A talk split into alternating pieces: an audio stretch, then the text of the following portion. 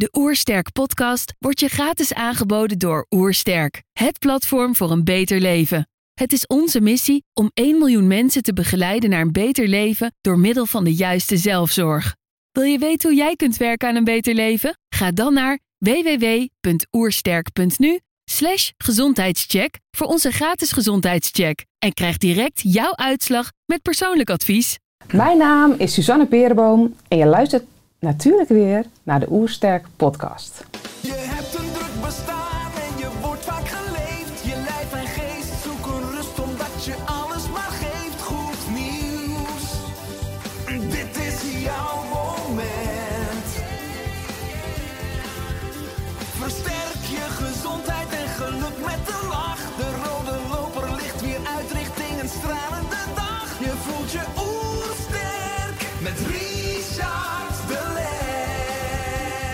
Zijn hier in Heemskerk voor een podcast met Susanne Perenboom. Susanne heeft het initiatief Een Gezonde Telefoongebruik gestart. Ze is auteur van het boek Meer aandacht voor jezelf en minder voor je telefoon. Ik ben benieuwd naar haar tips voor een beter leven. Trouwens, geniet je van onze podcast? Abonneer je dan en laat een reactie of review achter. Zo help je ons om het gezondheidsvirus te verspreiden. Let's start!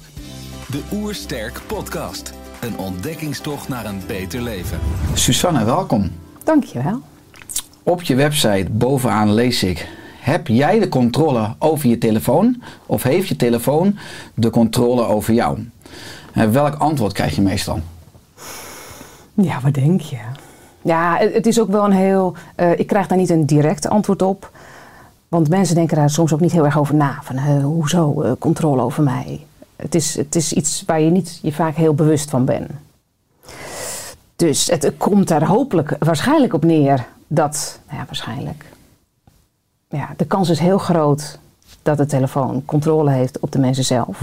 Maar ik hoop natuurlijk heel erg dat mensen steeds meer voelen van ik bepaal wanneer ik op dat ding kijk. En ehm, ja, zeker niet andersom. Maar, maar, maar ja, de- de proactief en reactief, het verschil heb je. Eh, reactief, dan reageer je op prikkels van buitenaf.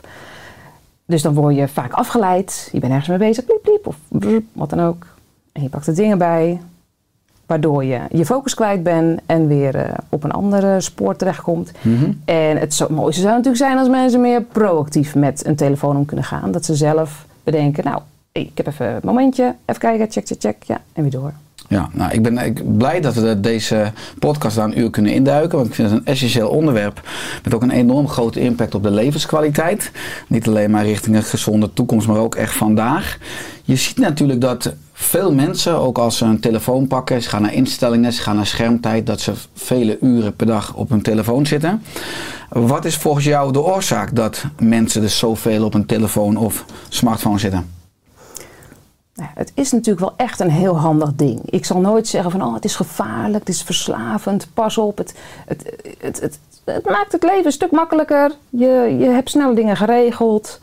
Eh, het, het sociale voordeel is natuurlijk ook groot. Je hebt veel sneller even een, een fotootje doorsturen, dat soort dingen.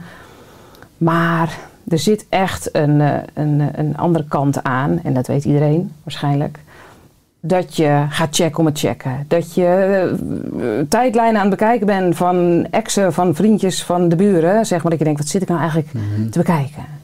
Ik weet niet of je dat zelf ook wel eens hebt. Of kattenfilmpjes ineens aan het kijken ben Ah. na drie kwartier. Dat je denkt, hey verrek, Ja. ik ging een hele andere reden pakte ik hem om Ja. te checken. Ja. Ja. En, en zo'n kattenfilmpje, shotje dopamine. Vind je fijn, vind je leuk. En ehm, hoe vaker je zo'n kattenfilmpje of wat dan ook bekijkt, hoe meer dopamine je nodig gaat hebben om hetzelfde eh, ro- relaxed of ontspannen gevoel te bereiken. Dus hup, je pakt er nu weer bij. Het schijnt zelfs dat nog ineens het zien van het kattenfilmpje, maar het, nou, bijvoorbeeld, maar het denken aan, zal ik nog wat nieuws hebben? Zal ik nog, dat geeft al dopamine. En ja, eh, het, in drukke tijden is het natuurlijk een heerlijk ontspannen eh, bezigheid, die telefoon.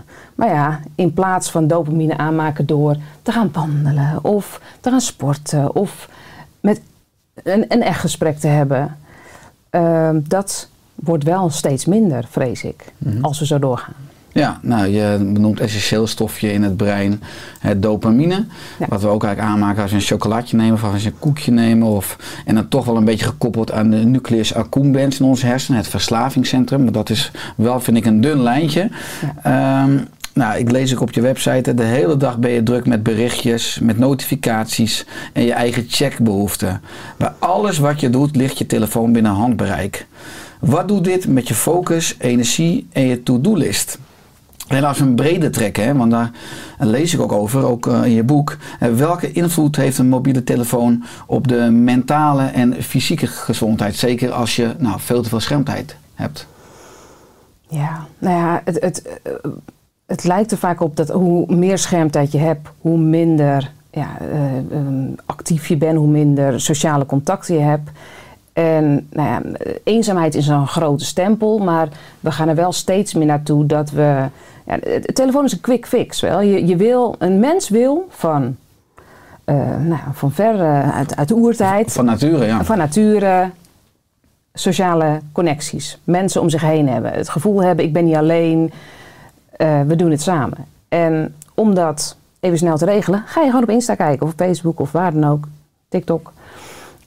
En dat is fijn. Maar doordat op die manier het gevoel, ja, hoe heet het, bevredigd wordt...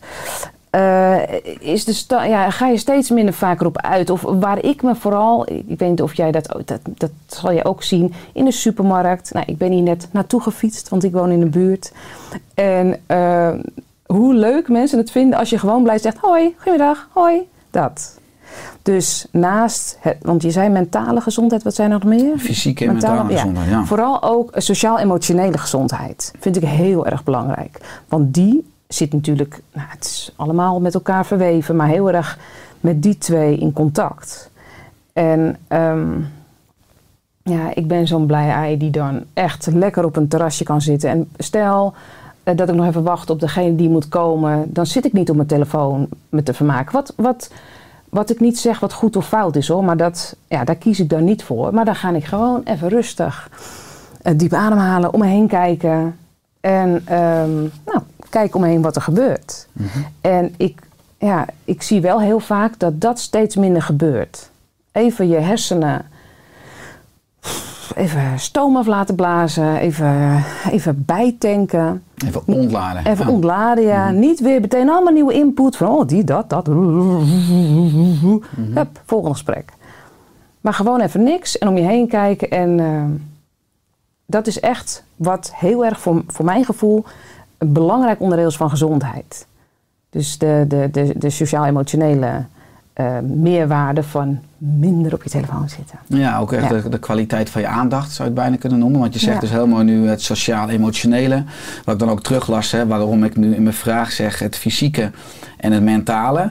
Hè, ik, ik las ook dat het mentale een negatief beïnvloed kan worden door te veel naar schermpjes sturen. En als je fysiek ook natuurlijk als je uren per dag zit omdat je naar, naar het schermpje aan het kijken bent.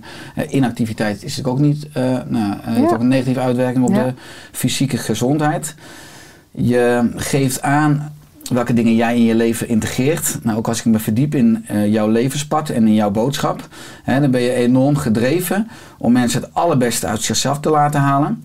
Waar komt deze drijf vandaan? Ja, nou ja.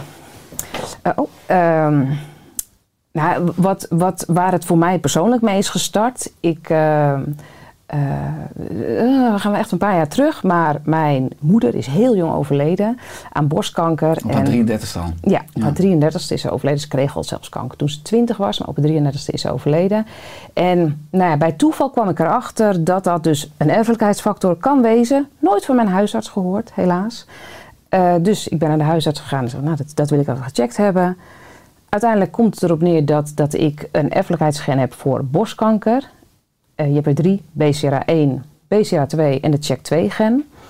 Eh, ik heb de CHEK2-gen, wat maakt dat ik 55% kans heb om zelf ook borstkanker te krijgen. Nou, Volgens de medische wetenschap, ja. ja, ja. Eh, in een, met een gezonde leefstijl. Want ik weet niet of als je rookt of heel veel drinkt, dat het dan nog hoger is. Maar daar, als jonge moeder, schrik ik natuurlijk zo erg van. Dat ik denk, ja, dit, dit gaat mij niet gebeuren. Ik wil er alles aan doen om ehm, ja, preventief aan mijn gezondheid te werken. Maar als ik daarop in mag gaan, Ja. je zat dus blijkbaar bij een arts in een spreekkamer. Toen de uitslag binnenkwam van het onderzoek. En ik kreeg op een bepaald moment te horen van... Nou, helaas hebben we dus dat check-2-gen gevonden. Wat betekent eh, dat je volgens eh, de huidige medische wetenschap 55% kans hebt om oogborstkanker te, kijken, eh, Ja. te, te krijgen. Want, want hoe kwam deze boodschap toen aan? Ik had het nooit verwacht. Geen idee. Je zit in een soort van eh, naïeve wereld. Ik denk, ah, het zal mij niet gebeuren. Maar als je dat hoort, ja, ik, als je zo jong je moeder verliest en dan hoort dat er een hele grote kans is dat jij ook als jonge moeder overlijdt. Hoe ja, oud was je toen je moeder overleed op de 33ste? Ik was zes. Je was zes jaar. Ja, dus ik weet niet veel ervan af. Maar ja, je bent natuurlijk opgegroeid zonder moeder, dus dat weet ik wel. En ehm, ja, dat, dat- daar wil je natuurlijk alles aan voorkomen. Dat ik dat mijn kinderen ook aan zou doen. Dus ik ben heel erg gaan kijken van waar ga ik? Want hé, hey, ik werk vier dagen in de week. Ik werk ook nog eh, ehm, als freelancer, doe ik werk. Nou, ik heb natuurlijk mijn eigen bedrijf. Mhm. Nou ja, dat eigen bedrijf is later gekomen. Maar het is gewoon heel erg druk. Ja, eh, waar haal ik de tijd vandaan om preventief aan mijn gezondheid te gaan werken? Om toch meer nou, mediteren, gezonde voeding, je gewoon goed in verdiepen, bewegen. Ik had echt geen tijd. Ehm, en terwijl ik al mopperend zat te denken, ja, pff, hoe ga ik dat in godsnaam doen? Hoe ga ik mopper, mopper?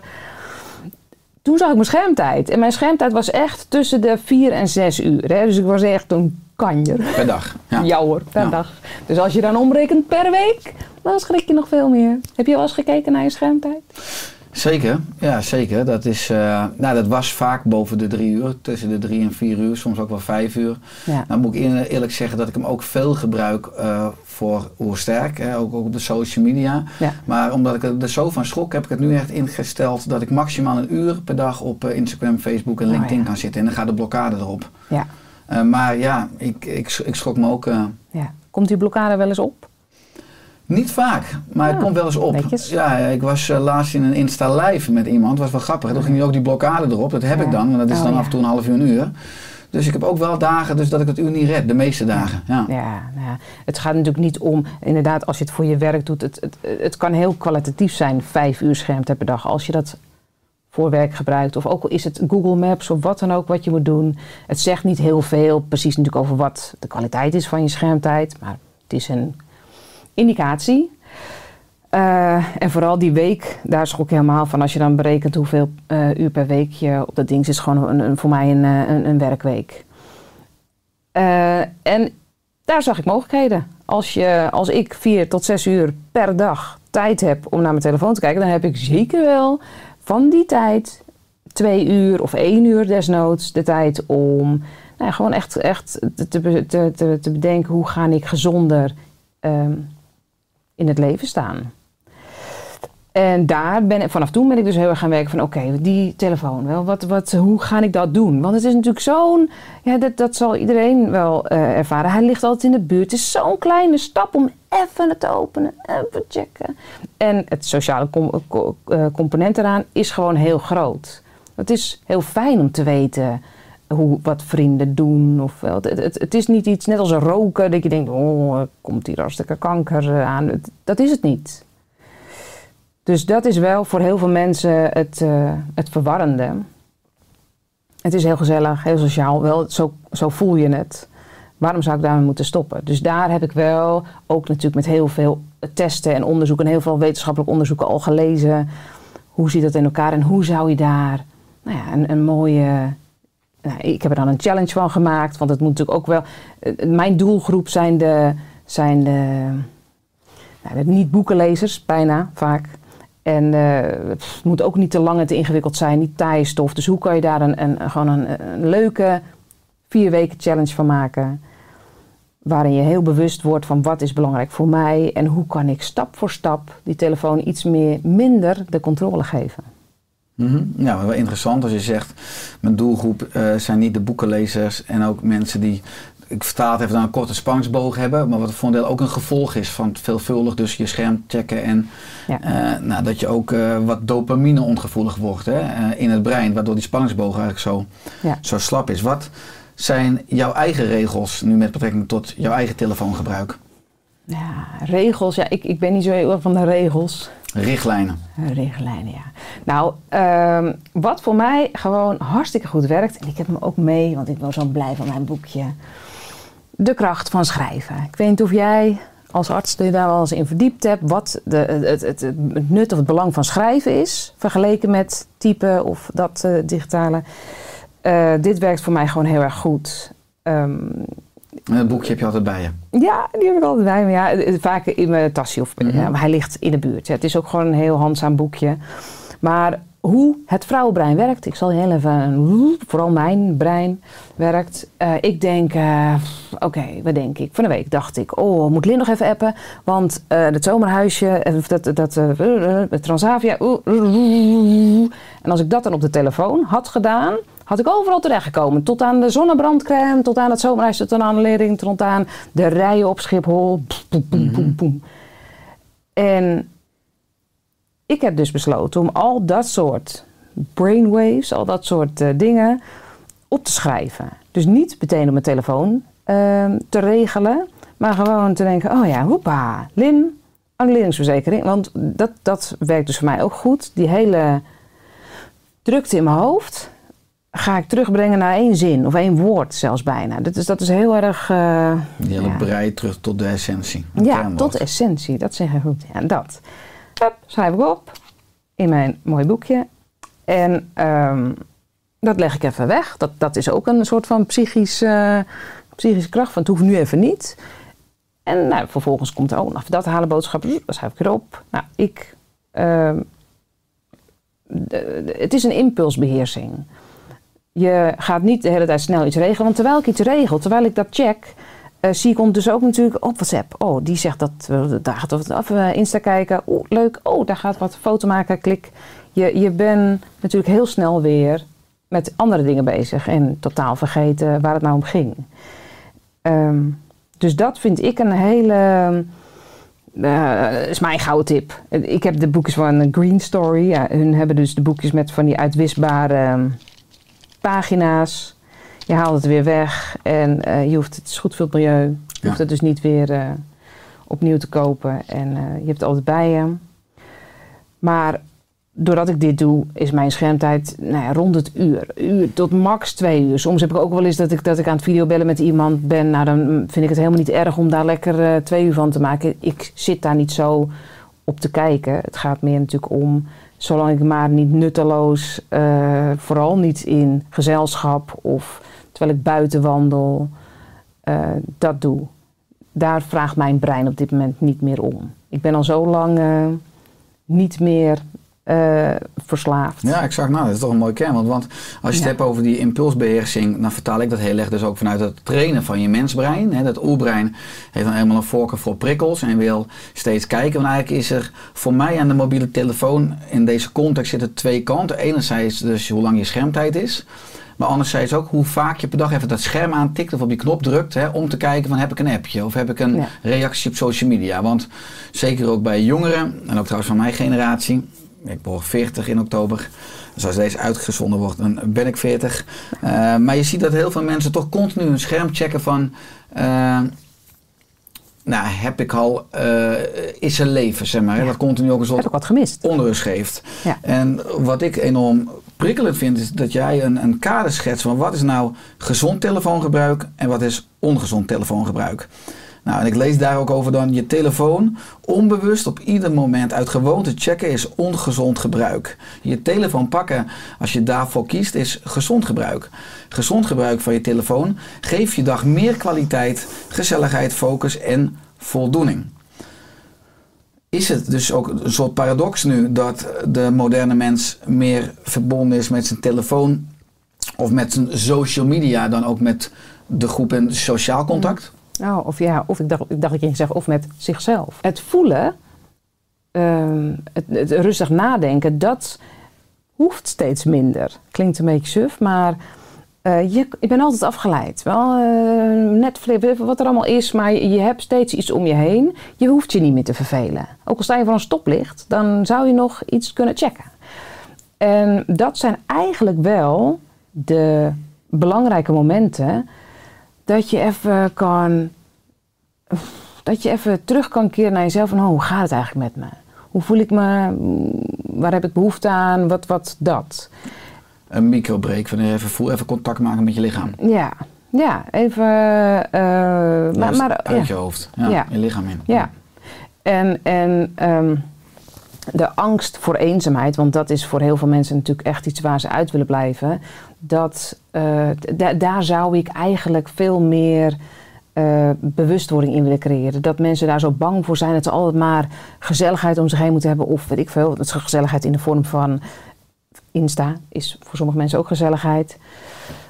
Maar ik zou het heel mooi vinden als mensen gewoon wat vaker kunnen denken: oké, ik ben even alleen in de woonkamer. Dat is goed. Het is niet eng. En het is niet eng, ja, dat klinkt misschien een beetje suf, maar onbewust kunnen mensen dat eng vinden. Niks om handen hebben, niet nuttig zijn, niet, weet ik veel, interessant zijn voor anderen. Gewoon saai op de bank zitten. Maar dat zijn echt, en daar ben ik van overtuigd, en eh, nou, misschien jij ook wel, dat zijn de momenten waarvan je even nou, dat, dat, dat eh, kunt voelen. Hoe gaat het met me? Waar heb ik behoefte aan?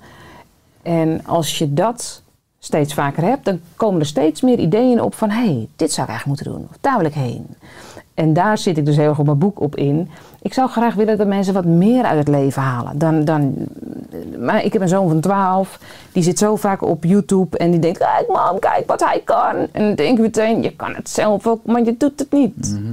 Dan Ga het zelf het leven. Nou, ja, zo overdreven ook weer niet, maar eh, het is heel erg kijken naar wat anderen Ja. doen. Ja, precies. Je zit op de achterbank van het leven naar anderen te kijken. En niet achter het stuur misschien van je Ja. eigen leven. Ja. Het is interessant natuurlijk wat je ook schetst. Dat eh, dopamineverslaving ook leidt tot een continu gevoel van onrust. Hè, wat veel mensen hebben. Waardoor ze ook weer die telefoon pakken. Dat houdt het zelf een beetje in stand. En wat je ook zegt met je boekje, je missie. in je boekje meer aandacht voor jezelf en minder voor je telefoon. Beschrijf je de vijf V's. Vertrouwen, verveling, verleiding, verbeteren en voortzetten. Kun je deze vijf V's kort toelichten, ook voor de luisteraar of kijker, hoe je dus ook zelf stappen kunt maken om meer aandacht voor jezelf te krijgen en dus minder voor je telefoon? Je zegt niet de vijf V's. Ik heb ze op zichzelf niet in het boekje zo genoemd, de vijf V's. Ik heb inderdaad wel in, natuurlijk in de hoofdstukken. De hoofdstukken, de Maar de vijf ja, V's. Eh, vooral de, eh, waar ik voorstander van ben, is dat ik ga niet tegen mensen zeggen hoe het zou moeten. Of, of wat gezond telefoongebruik is. Tuurlijk geef ik een indicatie en een beetje een richting en dat mensen over na kunnen denken. Maar vooral zou ik heel graag willen dat mensen het vertrouwen kunnen krijgen dat ze het precies op hun eigen manier kunnen doen. En dat ze ook ehm, ja, dat ze het al lang in zich hebben om dat te kunnen. Ehm, dat het niet iets heel nieuws en ingewikkeld iets is wat ze moeten leren. Ze weten het al, alleen moet het nog even uitkomen. Of moeten ze daar nou ja, meer vertrouwen in krijgen. Ja, gewoon terug naar hun eigen basis. Ja, en, maar vooral dus, dat vind ik ook heel belangrijk, precies doen hoe hun het willen. Want er zijn natuurlijk heel veel mensen om je heen die zeggen... ja, je zou niet je telefoon dan en dan moeten gebruiken.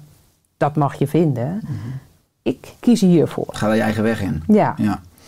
Tweede is verveling. ja gaat dat gebeuren is, dat is, ja, het is een verveling, klinkt heel negatief.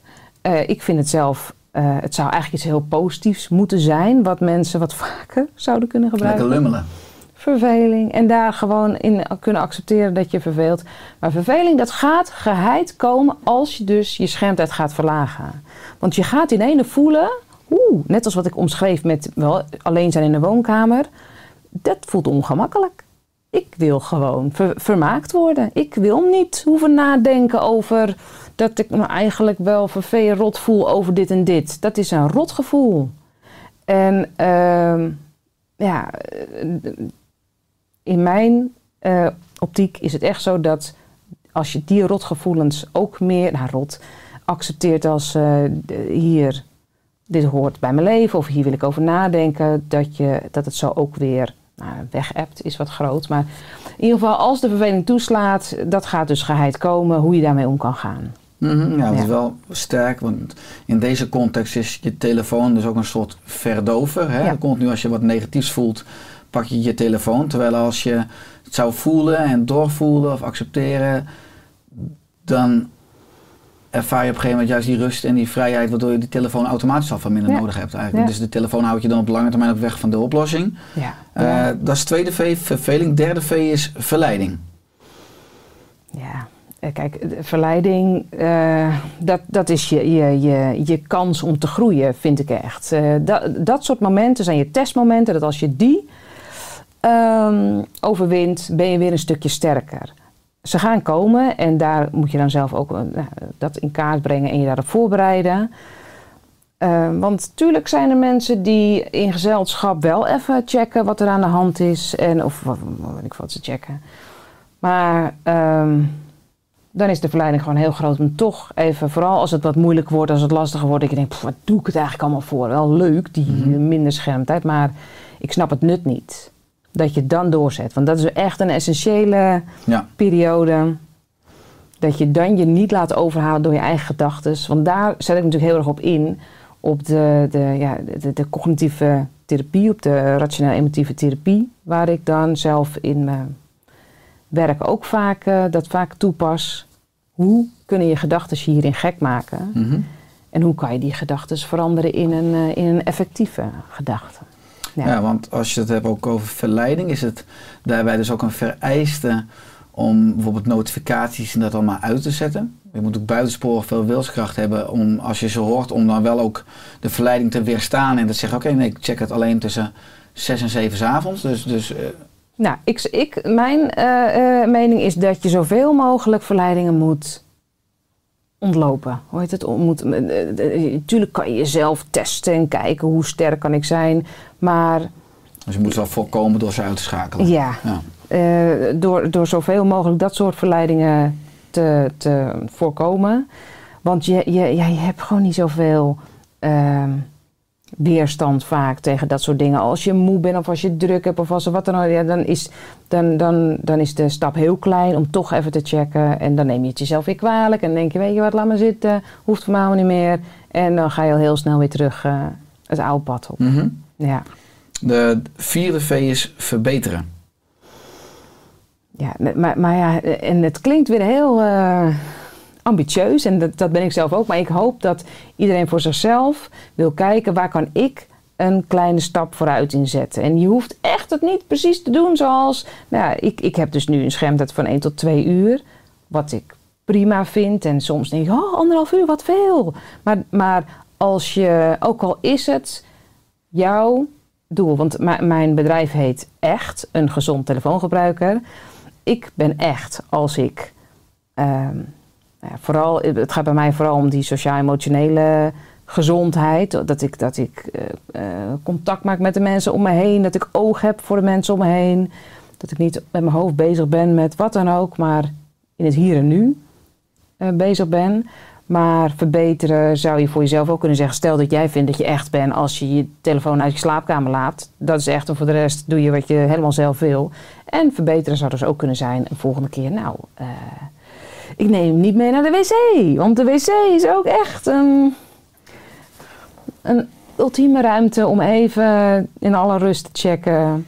Recent onderzoek, hè, april 2022. Daaruit blijkt dat bijna twee derde, om precies zijn 64% van de Nederlanders wel eens een smartphone op het toilet gebruikt. Vooral zijn ze op het toilet dan bezig met social media en nieuws lezen. Verbaast jou dit of zeg van nee, dat is gewoon ook gewoon echt eh, heel logisch. Ik vind het nog bijna nog weinig ook. Hmm. 64% Ja, en dat is ook ehm, wat mensen misschien niet beseffen. Je zit veel langer op die wc. En dat is volgens mij niet heel goed voor de hele stoelgang, dat soort dingen. Dus het, het, het, het, eh, op medisch gezien, zeg maar, eh, ja, zou je dat ook uit die wc moeten houden. Halen, Ja. houden. Ja, dat ben ik het met je eens. Uit de slaapkamer, de telefoon, maar ook uit de toilet. ja. Ik zeg uit de badkamer, maar is net waar je toilet zit. Ja. En trouwens ook uit de badkamer is niet handig als je gaat douchen. Of in, ba- Ja. of in bad. Met het, eh, Nee. Eh, je zegt van, op sommige dagen denk ik, wow, hè, anderhalf uur, maar je zit, je zit tussen de 1 en 2 uur. Waar gaat nu jouw schermtijd vooral aan op? Welke applicaties gebruik jij? WhatsApp, waarschijnlijk. Ja. ja, want ik vind het heel fijn. Ik spreek met veel mensen af. Ja, ik ga ze geen brief schrijven of zo. Eh, het Ja. heeft echt wel. Want dat is contact, dus maar je zegt dus niet Instagram of Facebook of LinkedIn. Nee, nee. Nee, dat soort dingen. eh, want ja, heel eh, tegenstrijdig, maar ik ben ook nog content creator voor een uitgeverij. Dus voor verschillende boeken maak ik dan ook Insta-berichten. Maar dat kan je prima. Kijk, het verschil zit wel tussen een laptop en een telefoon. Ik maak het op een laptop, alles. Ik bereid alles voor op een laptop. In mijn beleving is een laptop minder verleidelijk in, in ehm, andere apps of wat dan ook dan je telefoon. Dus ik gebruik ook wel Insta, maar het gaat allemaal via de computer. En daar heb ik natuurlijk wel. Met die computer ga je ook niet aan de wandel en zit je terwijl je kinderen tegen je praten eh, op dat ding. Dus het is een heel afgebakend manier van werken. Mhm. Ja, Ja. duidelijk. Ik had vier V's nu gehad. Vertrouwen, verveling, verleiding, verbeteren. En de laatste, de vijfde V is voortzetten.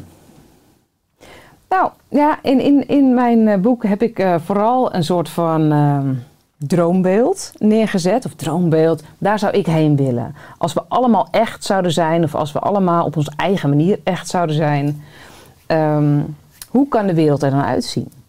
En, en eh, dat is natuurlijk mijn eh, ambitie om daar naartoe te werken. Dat er steeds meer mensen het echte contact aangaan, elkaar opzoeken, ehm, persoonlijke doelen behalen, aan hun gezondheid willen werken. Ehm, dat. En, en, en, en het voortzetten zit er dus heel erg in voor jezelf.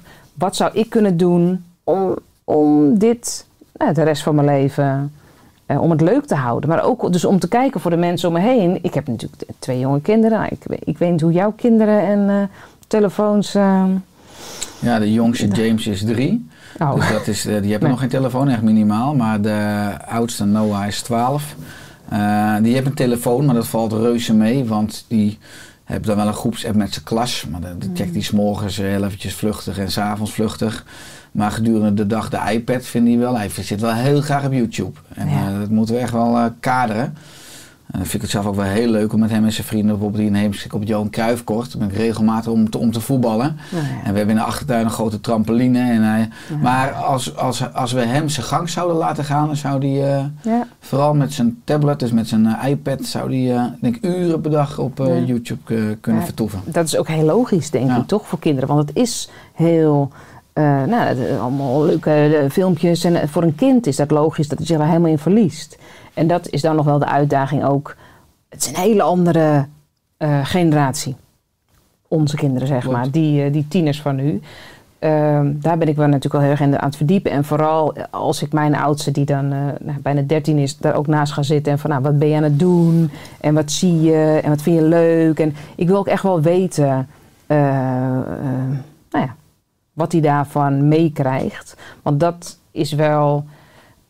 natuurlijk zitten er ook wel wat gevaarkanten aan. Maar, maar ja, mijn, mijn kinderen spraken ja, Dora, Engels al natuurlijk op een hele jonge leeftijd. En die weten zoveel meer dan dat wij weten, wisten op die leeftijd. Mhm. Qua eh, dat ik hierheen ging, zei mijn 12-jarige zoon... Mam, echt jezelf blijven, hè? Dicht bij jezelf. Nou ja, dat zijn echt van die zinnen... wat allemaal van die YouTubers Mhm. eh, ook kinderen willen leren. Dat vind ik prachtig. Ja. Dus ja, wederom, het heeft ook in het voordeel als je, als je het proactief kadert. Ik denk wel eens als ik terug ga kijken op mijn levenspad, ook op de middelbare school. Ik ben zeker niet hoogbegaafd. Ik moet het echt hebben van hard werken. Ook op de universiteit geneeskunde, waar ik dagen in de bibliotheek zat. Want je moest ook echt dingen in boeken op gaan zoeken. Er waren nog niet echt zoekfuncties of Google. Of, Ja. Ik had ook geen smartphone. Ik denk dat ik, als ik toen een smartphone had gehad, dat ik nou ja, wel onvoldoendes had gehad of herexamens of tentamens. Dat het me ook geholpen heeft, want ik had altijd wel een hele goede focus op één ding. Eh, toen mijn opleiding. Nou, nu zie je dat ja, het is toch ook wel een soort digitale snoeptrommel, een enorme verleiding in je broekzak eh, van allerlei mensen. Je hebt daarom ook een challenge, eh, een challenge in het leven geroepen met de hashtag minder telefoon. Wat zijn de resultaten die je van mensen terug hoort die deze challenge volgen of gevolgd hebben? Ja, en dat vind ik dus de gave, want dat is echt totaal verschillend. Eén iemand die zei, oh, zo fijn, want ik, ik, ik durf nu mijn telefoon in de auto te laten liggen als ik ergens op visite ga. Dat soort kleine voorbeelden, eh, daar gaat het mij om. Het gaat niet om dat je alles perfect doet zoals in het boek omschreven staat. Eh, of ja, nou ja, wat ik net al zei, eh, met mijn 1 tot 2 uur waar ik heel trots op ben. Er zijn ook mensen die zeggen, nou nu 40, 50 minuten per dag. Dat ik denk, oh, wat knap, hoe goed, hoe doe je dat? Dus ja, ik, ik, het, het, het- iedereen heeft zijn eigen eh, invulling daarin. Maar vooral eh, dat als mensen eenmaal ervaren van, oh, ik kan daar wat van loskomen. Dat is mijn overtuiging dat als ze dat eenmaal ervaren, dat ze dan ook het vertrouwen hebben dat het steeds meer afstand kan worden. Dat het steeds makkelijker, nou, eh, haalbaarder is om hem wat vaker te laten liggen. Om hem dus niet als wekker te gebruiken of nou ja, dat soort dingen. Eh, heb ik nog meer leuke voorbeelden? Ja, ik heb zoveel leuke Ja, voorbeelden. want, want hoe kijk jij bijvoorbeeld als je eh, op bepaalde sociale gelegenheden bent, of het nou verjaardagen zijn of feestjes, wat je natuurlijk heel vaak ziet als mensen appjes krijgen, dat, nou, dat, dat mensen gewoon dat ding pakken. Als mensen op het terras zitten, of, of vriendinnen, vrienden, families, als je uit eten bent met elkaar. Ik heb wel vaak genoemd in de podcast, als ik met vrienden uit eten ga, dan leggen we alle telefoons op elkaar. En Ja. als iemand gebeld wordt, degene die hem als eerst pakt, moet de rekening betalen. Oh, echt? Dat is een Oh, beetje leuk. onze sociale veiligheidspal. Dat we echt aandacht voor elkaar hebben. En je mag hem pakken, maar dan betaal je de rekening. Ook leuk, want ik probeer overal een spel van te maken. En dat helpt enorm ook om te zorgen dat je Ja. aan. Maar is, vind je dat verleidelijk als je dat ziet gebeuren? Ook overal om je heen zie ik het ook altijd gebeuren. Om dan hè, vanuit jouw achtergrond ook mensen tips te geven? Of kan je het echt observeren zonder ook te Mm. Ja. oordelen? En, Nee hoor, ik ga zeker geen tips geven. Nee, dat is dun ijs, denk ik, waar ik me op begeef. Het is vooral eh, bewustwording van... eh, diegene kiest daar nu zelf voor en ik heb dat niet. Ja, ik ga niet eh, me mengen in mensen die mij... Als mij advies vragen, tuurlijk, ga ik helemaal nou, los. Maar goed, daar eh, word ik gelukkig van. Maar ik vind het soms wel heel jammer. Ik zat laatst bij een heel mooi eh, restaurant. Nou, het Ruiterhuis, ken je zelf ook wel. Eh, een hele natuurlijke omgeving. In Bakken, ja. ja, liepen lammetjes voorbij. Het was prachtig. En er zaten gewoon twee mensen op dat ding. Zo dat ding. Kijk om je heen. Kijk naar elkaar.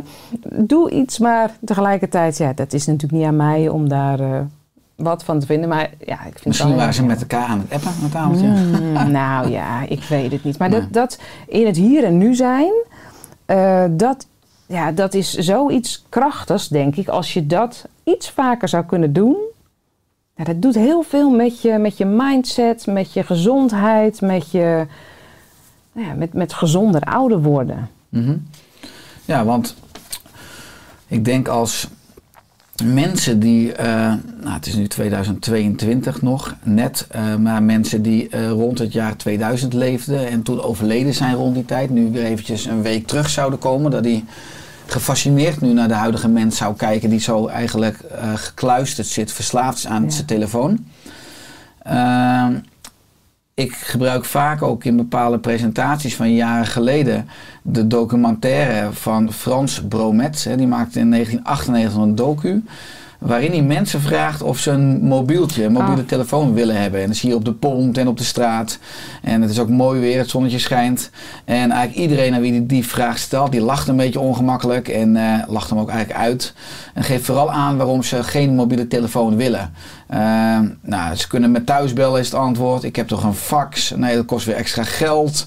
Eh, nou, bijna iedereen vindt het ook echt flauwekul. Hè? Dat, dat, je met een dat ik met mijn kinderen op de fiets zit. En dan word ik gebeld en dan ga ik op de fiets bellen. Zie je het voor je? Nou, echt in die trant. Ha, ha, ha. Ja. Hoe is de marketing er dan toch in geslaagd om dus iedereen aan de smartphone te krijgen?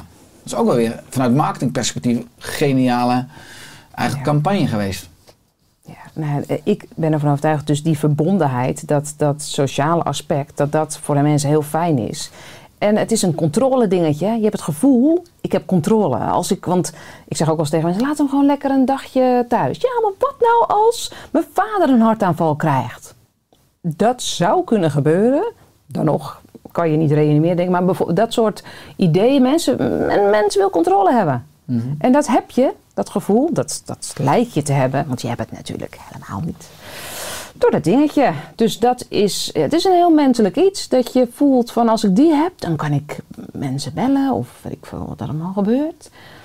Maar is het ook een stukje kuddig gedrag als iedereen in de groep een, te- een telefoon Ja. heeft, dat je hem ook wil. Hè? Dat is ook Ja. om, om erbij te horen. Omdat, nou, normaal, als, als je dan wel vertaalt ook naar onze kinderen, dat noem je net. Noah zit nu in groep 8. Ehm, maar iedereen heeft op een gegeven moment een telefoon. Je probeert als ouder, tenminste wij proberen op een gegeven moment wat tegen te houden. Hè? Want bijvoorbeeld in groep 4 of 5 beginnen ze al van nee joh, dan ben je veel te jong, van dat komt later wel een keer. Maar op een gegeven moment is je kind de enige nog in de klas die geen telefoon heeft. En er is een groepsapp en nou, dan val je Ja. buiten de boot. Dus het is ook interessant hoe we bijna als volwassenen, als ouders een strategie met z'n allen moeten uitdenken voor onze kinderen. Want we kunnen Ja. het natuurlijk niet aan, onze kinderen eh, overlaten. Maar je ziet ook dat kinderen natuurlijk steeds jonger een Ja. een smartphone krijgen. Ja. Ja, en wat ik dan ook wel weer fijn vind, is dat ze ook steeds jonger op de basisschool bijvoorbeeld mediawijsheid krijgen. Ze worden echt wel steeds bewuster van de verslavende factor eraan, waarom bepa- bepaalde spelletjes zo leuk zijn, of nou, wat er gebeurt als ik deze foto plaats, hoe dat, waar dat terecht zou kunnen komen. Dus er wordt wel steeds meer bewustzijn bij deze doelgroep gecreëerd. Ik ben heel erg benieuwd hoe, hoe ze als twintigers, eh, want, eh, hoe ze als twintigers eh, in het leven staan. Want de, de, de millennials, of de, nou, die eronder zitten, zeg maar, die zitten steeds meer aan de, ja, ze noemen het dumbphones. In plaats van smartphones noemen ze dumbphones. Heb je daar al van gehoord? Nee. Het is een gsm, maar dan heel hip dumbphones. Dat is een wijze trend, die komt op. Ik heb zelf ook een gsm. Dat is een soort Nokiaatje van vroeger. Ja. zonder, is Ja. geen smartphone meer. Zo'n klapding. Oh, precies, waar je alleen op Ja. kan bellen en sms'en. Ja.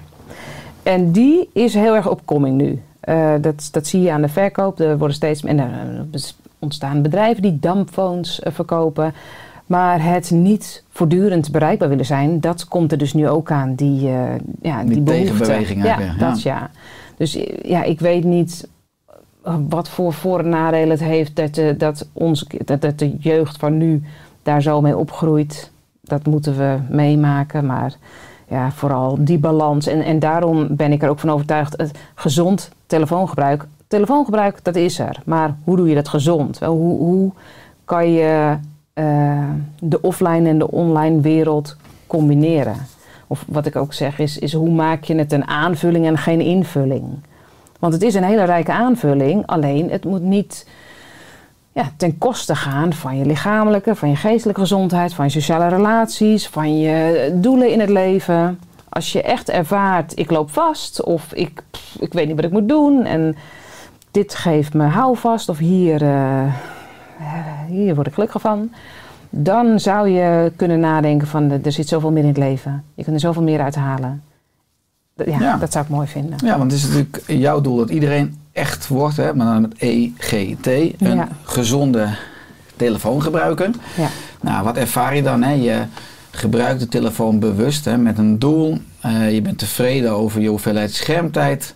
Maar ook je hebt meer focus, energie en tijd om je doelen te bereiken. En dan staat er de vierde, de laatste, die ik heel interessant vind.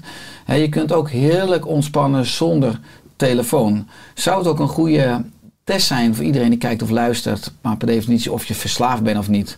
Om gewoon, ik hou bijvoorbeeld van een detox zondag. Hè, op zondag Ja. echt de telefoon op vliegtuigmodus of gewoon helemaal. Maar zou, zou dat een goede test zijn om te kijken van of je dat al... Sommige mensen worden bij de gedachte al gek. Als je zegt van oké, je mag een dag niet op je telefoon. Doe hem in een kluisje. Ik heb ook zo'n kluisje trouwens, ook op mijn bureau boven. Ja. Kan je hem indoen en dan kan je een tijdklok inschakelen. Dan klap, die pas eh, vaak na vier uur doe ik per dag. Dan Leuk. klap die open. Kan ik gewoon een dag dan niet bij. En wat ik dan doe hè, aan productiviteit, dat vind ik heerlijk. Dus Ja. kader ik mijn oerbrein ook een beetje.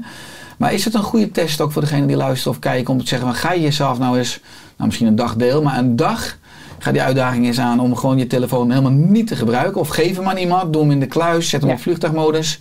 En ga dan eens ervaren Ja. eh, hoe, je, hoe je je voelt en, en, en, en wat erop popt. Ja, inderdaad, waar, waar je over nadenkt dan, zonder dus afgeleid te worden door eh, andere informatie. Ja, ja ik, ik heb eh, een tijd geleden hoorde ik iemand zeggen, oh en toen laden, en toen, toen zag ik dat de batterij leeg wordt, leeg liep.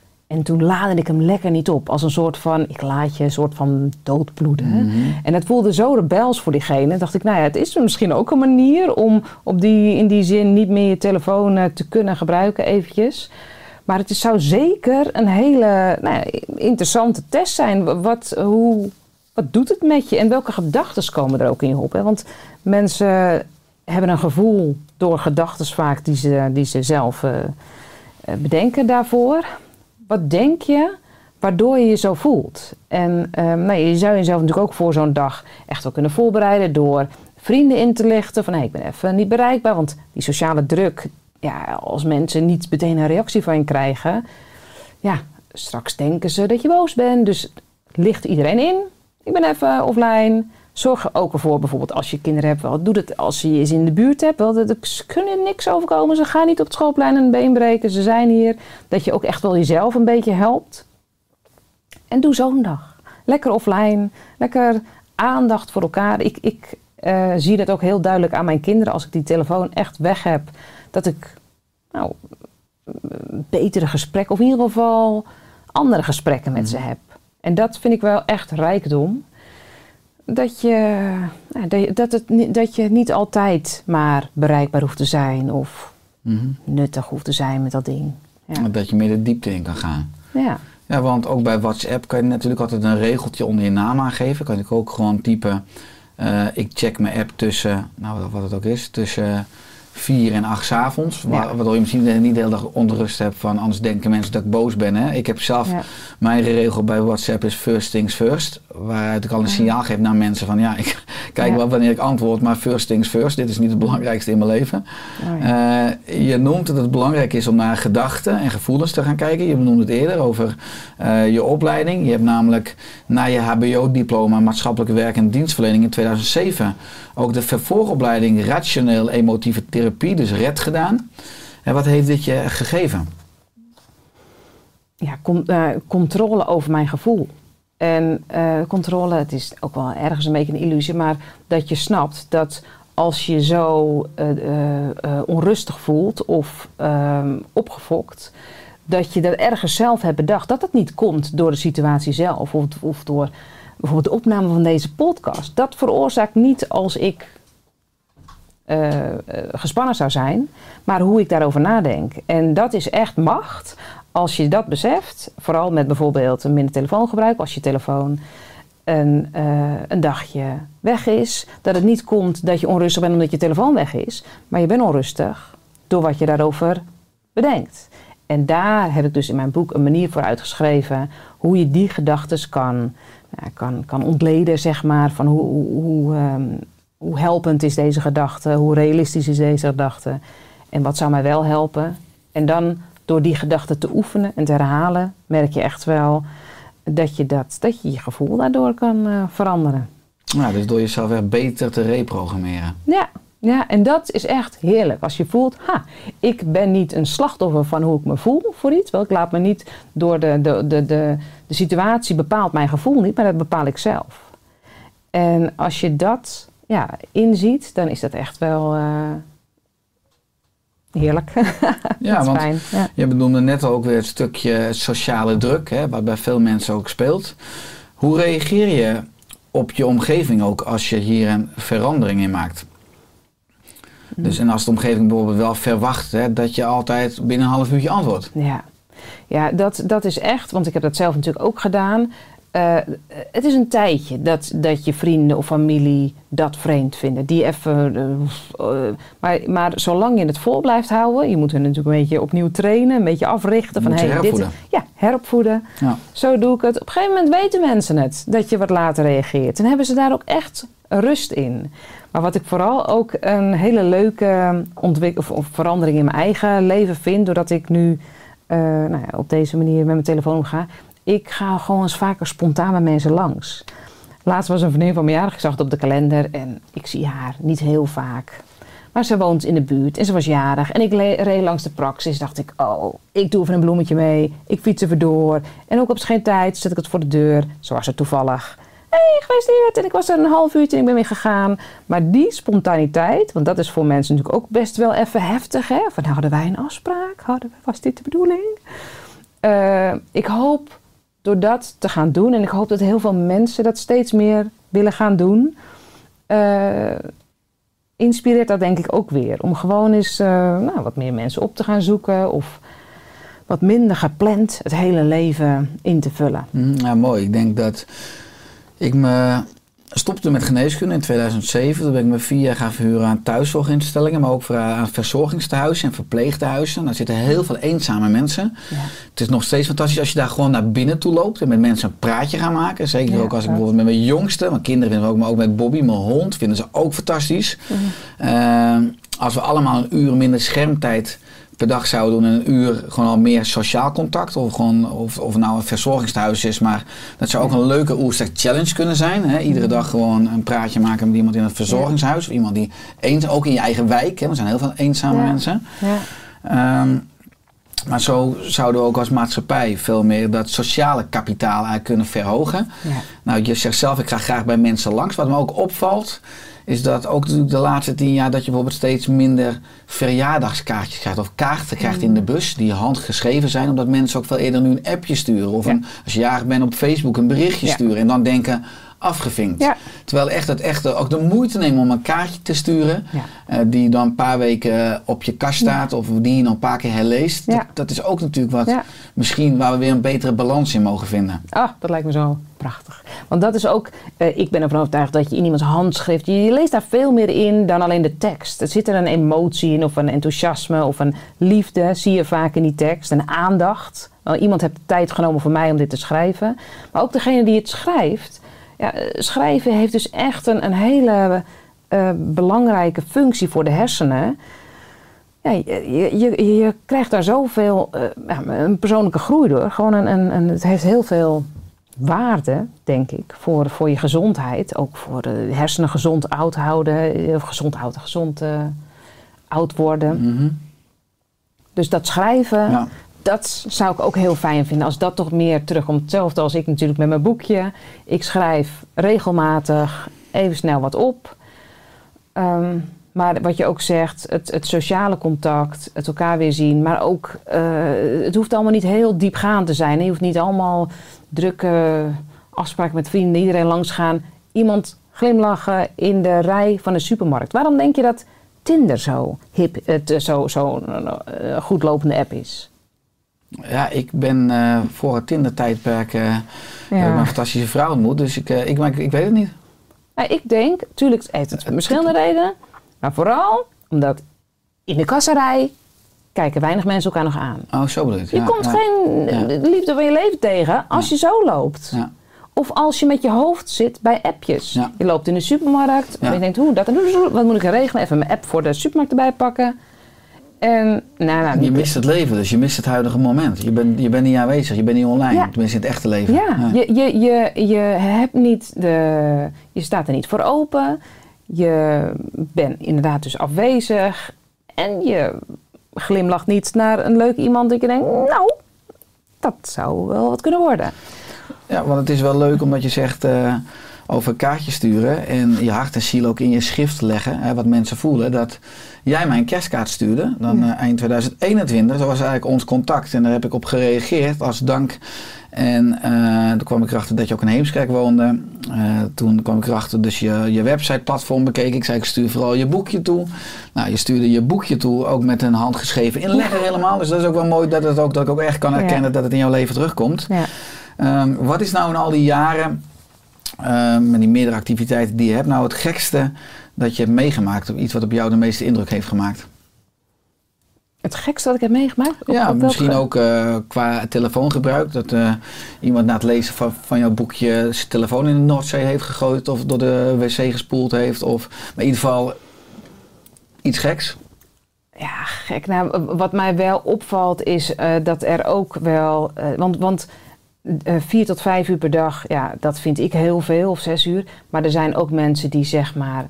Nou ja, 8 tot 12 uur per dag schermtijd hebben. Ze zijn er echt, ik heb ze gezien.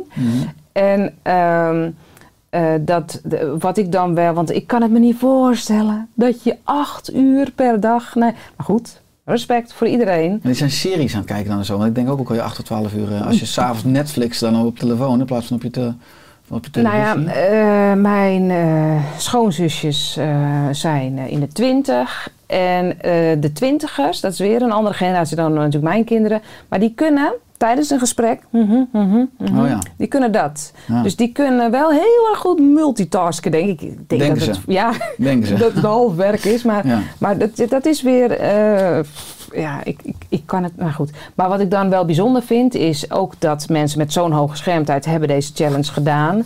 En die ook echt op een gegeven moment wel eh, iets kunnen minderen. Maar eh, eh, uiteindelijk gewoon een soort van ook tevreden zijn met zes tot acht uur schermtijd. En dat, daar heb ik wel echt respect voor. Voor mensen die nou ja, op hun eigen manier echt zijn. Ik zit even iets geks te denken, maar dan kom ik gewoon helemaal nergens op. En zo direct op de fiets terug naar huis. Nou, misschien komt ze nog. Maar het is wel interessant als ik dan eh, hierop in mag gaan. Geef ik gelijk een beetje extra bedenktijd. Eh, maar eh, ook vanuit het woord respect. Ik vind altijd gewoon als je met iemand in gesprek bent, dan is het respectvol dat je luistert of dat je aandacht hebt. En, eh, en ik moet zeggen, ik ben ook niet heilig hoor. Ik moet zeggen dat ik af en toe van mijn vrouw ook zeg Ries. Dan zit ik ook te hm, hm, hm, hm, zeg oh sorry, ik leg hem even weg. Dus het gebeurt mij ook af Ja. en toe nog. Ja. Maar eh, ook in familie of in vriendengroepen, dat mensen dus met een telefoon bezig zijn terwijl ze eh, met je in gesprek zijn. En vroeger, ook 50 jaar geleden, was voor mij veel meer dat we het accepteerden als je er ook op aangesproken werd. En dat anderen ook Mhm. mochten zeggen van, hé, hey, eh, leg dat ding even weg. Of eh, dat, eh, dat het ook geaccepteerd werd. En nu is ook een beetje de tendens van, eh, ik bepaal zelf mijn eigen leven wel. Waar bemoei je je mee? Hè? Ik, ik, ik wil niet aangesproken worden dat iemand zegt, eh, leg de telefoon even weg. Terwijl ik dat dus ook niet doe bij bepaalde familieleden of vrienden. Terwijl ik me wel in mijn hoofd denk, jezus, hé, eh, gast. Of eh, Ja. eh, het is niet respectvol, weet je wel. Het is, Ja. Je geeft het signaal dat je liever ergens anders bent. Of dat ik niet, of dat we niet interessant genoeg zijn. Dus Hmm. dat is ook een interessant maatschappelijk lijntje. Hoe maak je dat bespreekbaar als mensen blijkbaar zo verslaafd zijn of het zelf niet in de gaten hebben dat het onrespectvol is wat ze doen. En dat je dus ook de maatschappelijke tendens, de ruimte niet echt ervaart om te zeggen van hé, hey, kan je hem niet even wegleggen? Ja. Maar, maar dat vind ik dan ook weer, want ik, ik ga je niet, ik ga niet eh, dit betwisten hoor. Maar tegelijkertijd denk ik, eh, heb ik mijn twijfels of ze het niet interessant genoeg vinden om daar te zijn. Want vooral de twintigers, eh, dat realiseren wij ons niet. Maar die zijn weer op een hele andere manier opgegroeid met de telefoon. Die, die vinden het waarschijnlijk op hun eigen manier prima om met je in gesprek te zijn. Maar terwijl ze dit doen, zouden ze misschien ook helemaal niks mee kunnen bedoelen. Van, nou ja, eh, maar en, en het ook niet bewust zo zeggen dat je eh, eh, zo, zo in de gaten hebben dat, het, dat de ander het als vervelend ervaart. Ik zou het dan zo aanpakken dat je dat aangeeft van hé, hey, eh, eh, wat ben je aan het doen en zullen we gewoon even praten. En, en als diegene dat aangeeft dat hij het zo prima vindt en gewoon op zijn telefoon wil blijven, zou ik daar, als ik de ander zou zijn, ook wel een soort van eh, vrede mee hebben en dan zelf de beslissing maken, wil ik verder gaan in het gesprek of ga ik lekker eh, met iemand anders eh, gezelligheid hebben. Of je gooit een emmer water over zijn hoofd of haar hoofd, is Is de telefoon gelijk stuk en heb je echt gewoon weer... eh, Ja. Misschien ook wel het einde van de relatie dan. Ik weet niet hoe dat... eh, Nou, ik zou het gewoon eens proberen. Ja. Nee, maar het, het- ja, het, is, het is een heel ingewikkeld iets. Want het hoeft echt niet te betekenen dat het respectloos is. Maar wat het verschil natuurlijk is met vroeger lazen ze de krant wel. En praten ze met iemand anders. En nu zitten ze op een telefoon Ja. en praten ze met anders. Maar het grote verschil met een krant of een telefoon is dat met een krant ziet de ander wat je leest. De ander weet. eh, en, en met een telefoon heeft de ander geen grip op wat er gebeurt. Dus dat veroorzaakt natuurlijk veel meer onrust Ja. voor de ander. Want ja, misschien is het wel een leuke iemand waar je mee zit. eh, nou, dat is misschien wat overdreven, maar... eh, dus ja, het, het, het, eh, dat zeggen heel veel mensen. Ja, maar eh, of ik, nou, ik... Mijn man zegt heel vaak, ik zit op nu.nl. Nou, dat is ook... Ik weet het niet, maar... een verslaving voor een gemiddelde man, denk ik. Nu.nl. Kijk jij daar wel eens op? Nee, nooit. Oh, Maar ik volg helemaal geen media. oh nee. Dus nee. dat, dat geen- Maar de grap is dus wel dat ook als je met iemand praat die een krant leest, alleen maar in de krant, laat ik zo zeggen, verdiept vind ik ook nog steeds onbeleefd, maar dat is dan concreet hè. Ja. Maar dus het, het is wel interessant dat over de jaren in de verschillende generaties, dus ook de maatschappelijke norm, laat ik dan zo zeggen, van respect of ook gewoon aandacht hebben, wel verschuift. En dat je dus continu in elkaar belevingswereld moet verdiepen, maar wel het gesprek moet blijven aangaan, zodat Ja. je op ooghoogte inderdaad eh, kan communiceren en elkaar Ja. kunt begrijpen. En niet Ja. veroordeelt, hoe lastig dat dan soms ook is. Ja. Wat is je, je missie of je droom voor aankomende jaren? Nou, ik zou het heel mooi vinden. Ik hoor wel eens van mensen om me heen, vooral de, de, de tieners, of de, nou, de, het zijn de tieners, die dan af en toe tegen me zeggen: Suus, dat is niet echt, hè? En die weten wat echt is. En het, het is een hele kleine term. En daar wil ik uiteindelijk naartoe gaan. Dat mensen steeds meer bewust gaan zijn van, eh, vooral in, in sociale eh, situaties of als je dus de hond uitlaat. Ik zie heel veel hondenuitlaters altijd met een telefoon. Eh, ontspan even en, en weet hoe belangrijk het is om je hersenen even rust te geven. Even op adem te komen. Maak contact met mensen om je heen. Dat, dat doet heel veel voor je, voor je eigen persoonlijke groei. En, en ik hoop dus in de toekomst dat mensen zich daar steeds meer bewust van zijn. En steeds meer uit zichzelf eh, alles eruit gaan halen wat erin zit. En daar heel erg blij van gaan worden. Mooi, maar het is Ja. interessant wat je zegt als mensen een hond uitlaten. Want een hond is ook continu, reageert eigenlijk op de energie van zijn baasje. Dat is communicatie. Maar wat je ook nu steeds meer ziet, is dat natuurlijk ouders achter een kinderwagen met een mobieltje lopen. Wat natuurlijk al het bekende still face experiment is. Dat op een gegeven moment als een kind consequent hè, te lange tijd geen contact krijgt eh, met zijn ouder. Dat het ook eh, ja, tot hechtingsproblemen kan leiden. En weer later eh, mentale of emotionele problemen Ja. in het leven. Omdat het ook natuurlijk het brein en de hele aanleg van die neuronale netwerken negatief beïnvloedt. Dus Ja, Wat- en, en met kinderen. Kinderen leren ervan. Waar mijn papa of mama naar kijkt, dat is belangrijk. Dat moet ja. ik doen. Dus, dus geef, kijk je naar je kind. Kind is belangrijk. Kind voelt zich belangrijk. Kind voelt zich gezien. Kijk je naar een scherm.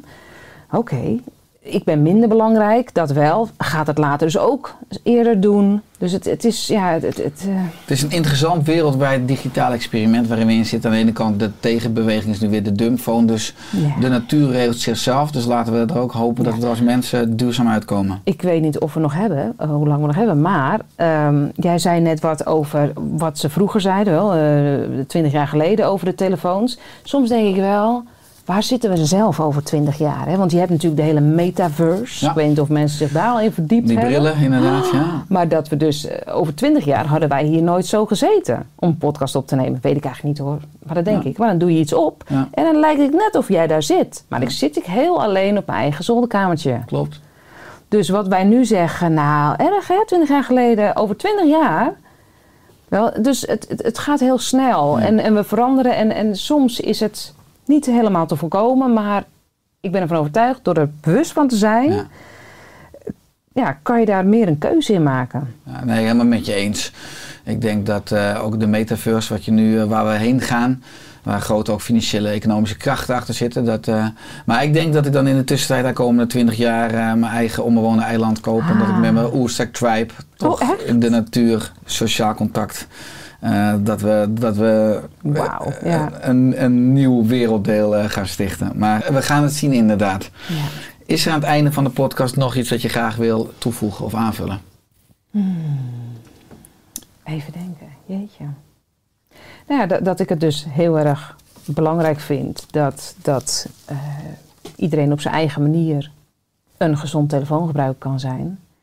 En dat er, dat, ja, dat- dat, heel erg. Ik, ik hou heel van mensen die erg bij zichzelf kunnen blijven. Maar om bij zichzelf te kunnen blijven, zou je dus eerst iets meer afstand van een telefoon moeten maken, creëren. En ehm, ja, dat, daar ben ik heel erg benieuwd naar of mensen dat nog wel kunnen. Die, die echt weten wat wil ik zelf, wat is belangrijk voor mij. Niet wat vinden al mijn volgers of eh, WhatsApp-groepen ervan, maar wat wil ik.